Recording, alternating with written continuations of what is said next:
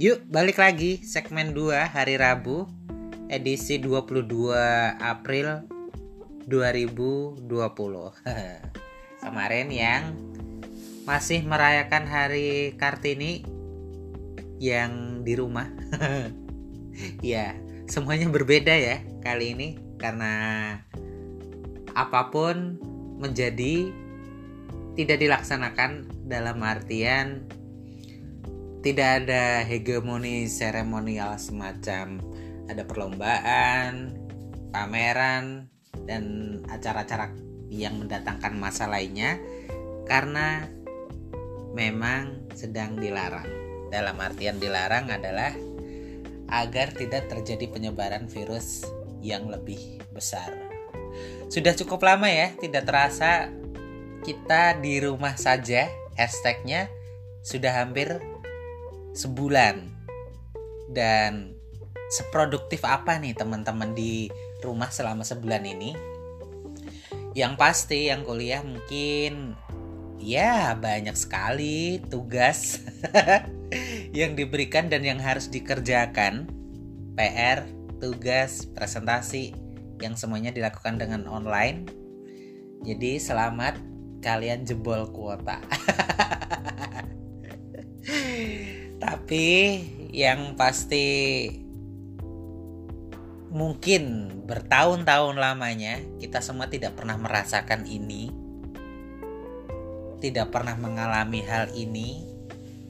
Dan patut kita sadari bahwa ada satu hal yang ternyata di luar rumah itu yang kita gampangkan lah misalnya kita titip adik atau anak kita ke sekolah yang kita titipkan ke sekolahan untuk dididik ternyata hasilnya tidak sesuai yang kita inginkan dan rasanya kita marah atau tidak puas kecewa karena sudah bayar mahal sekolah tapi hasilnya tidak bagus nih.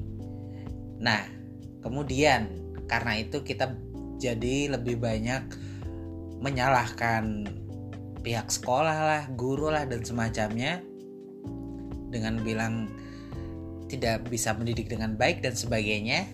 Tapi di musim ini kita jadi tahu bahwa kitanya atau saudara kita, keponakan, adik, anak semuanya jadi tahu nih bagaimana dunia sekolah, bagaimana dunia pendidikan untuk anak kita atau cara mendidik anak kita yang ah rasanya ternyata nggak semudah yang kita bayangkan gitu. Dan aku menemukan sesuatu yang menarik bahwa uh, sekolah itu bukan mesin cuci. Ini ada satu orang tua yang memberikan testimoni terhadap satu sekolah gitu. Dan pendapat beliau sangat bagus kurang lebih begini.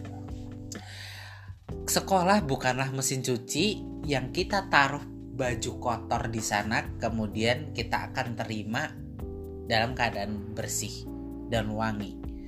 Jadi sekolah itu tidak bisa diibaratkan sebagai tempat laundry. Yang kita titipkan anak-anak kita dalam keadaan tidak berpengetahuan atau dalam keadaan ya mungkin nakal-nakal dikit lah bandel-bandel dikit lah gitu kan.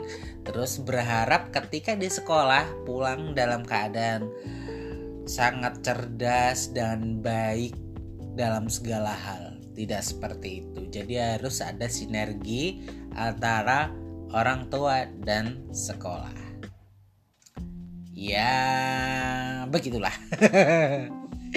Tapi saya setuju sih karena berat loh jadi pendidik itu. Karena gimana pun juga kebayang gak sih kalau kita mendidik sedemikian banyak manusia di kelas? Katakanlah kalau di Indonesia kurang lebih kalau SMP 30-40 siswa lah ya dalam satu kelas dan hanya diajar oleh satu guru. Kebayang gak tuh? Lo harus ngecekin satu-satu tugasnya memastikan mereka semua itu dalam keadaan paham dengan yang kalian jelaskan. Sedangkan kemampuan setiap siswa itu kan berbeda kan. Mereka punya pengalaman yang berbeda, punya background yang berbeda, jadi punya pandangan-pandangan yang pastinya berbeda. Nah, hal itu juga tidak didukung oleh kurikulum menurutku nih. Karena terserang saya suka dunia pendidikan gitu kan. Jadi masih berperan sebagai seorang pembelajar juga gitu. Jadi aduh. Ya susah sih menghadapi juga tipe-tipe belajar yang berbeda. Karena setiap orang tuh unik loh tidak bisa sama gitu. Dan di Indonesia itu semuanya diseragamkan. Karena acuannya adalah berbeda-beda tetapi tetap satu jua. Hello. Ya dalam tidak tidak mendiskreditkan sih cuman kan yang namanya orang belajar itu kan harus dilihat dari belakang dong. Maksudnya backgroundnya seperti apa modal pengetahuannya seperti apa terus tipe belajarnya seperti apa gitu. Kalau kalau itu ketemu mungkin akan memudahkan si pembelajar ini untuk mendapatkan apa yang dia impikan. Ya, dia belajar sesuai minatnya, dia belajar sesuai bakatnya, dia belajar sesuai experience-nya, bukan berdasarkan kurikulum yang diseragamkan tadi gitu. Jadi yang memang sudah berada di level katakanlah kita punya level 1 sampai 5 dengan kita punya experience mungkin kita sudah berada di level 3 sedangkan the other people dia tidak punya experience itu. Jadi dia mungkin baru di level 1 atau di level 2 nah ketika kita masuk kelas kita ditaruh dalam satu level yang sama. Tidak semua orang bisa uh, tenang di situ. Dalam artian misalkan ada 40 orang siswa tadi yang punya level-level yang berbeda. Experience-nya tentang satu hal yang dibahas ada yang sudah di level 3 kemudian dia harus downgrade di level 2 atau level 1 dia pasti bosan belajar itu. Tapi bagi yang di level 1 atau 2 dia it's okay karena memang dia tidak punya experience. Atau kita balik. Yang di uh, berada di level 3 harus belajar di level 3 it's okay. Tapi yang berada di grade satu atau dua kemudian dia harus melompat di grade 3 dia akan sangat berat karena dia tidak punya leveling tadi tidak punya experience yang satu dan dua tadi itu misal ya tidak tidak mengacu pada bab mata pelajaran tapi experience apa yang dia dapat pengalaman itu dan itu akan sangat membantu sekali gitu.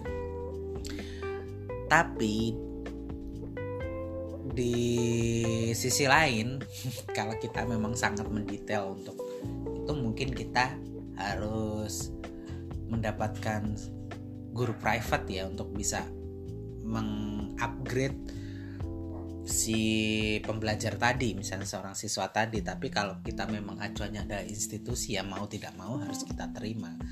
Karena kalau kita egois dengan hanya melihat bahwa uh, experience tadi menjadi faktor yang akan menentukan uh, hasil atau achievement yang didapat oleh pelajar tadi mungkin akan sangat berat diterapkan karena kita punya banyak sekali siswa sedikit guru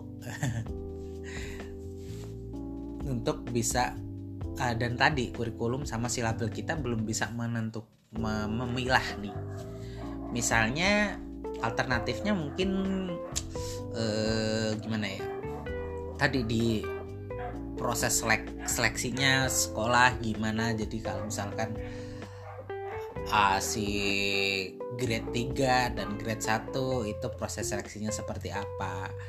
Nah itu mungkin bisa tapi di sisi lain juga nih ada masalah lain stigma kita selalu berperang dengan stigma. Kenapa ya Indonesia selalu berperang dengan stigma? Jadi maksudku stigmatisasi ini misalnya tadi di sekolah.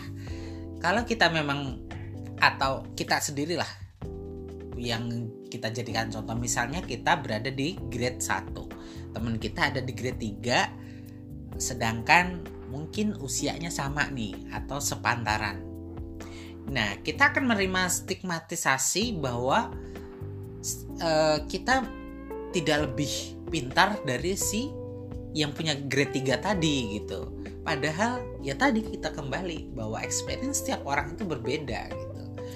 Backgroundnya berbeda. Jadi pengetahuannya juga pasti akan berbeda gitu. Dan kenapa orang bisa berstigma seperti itu?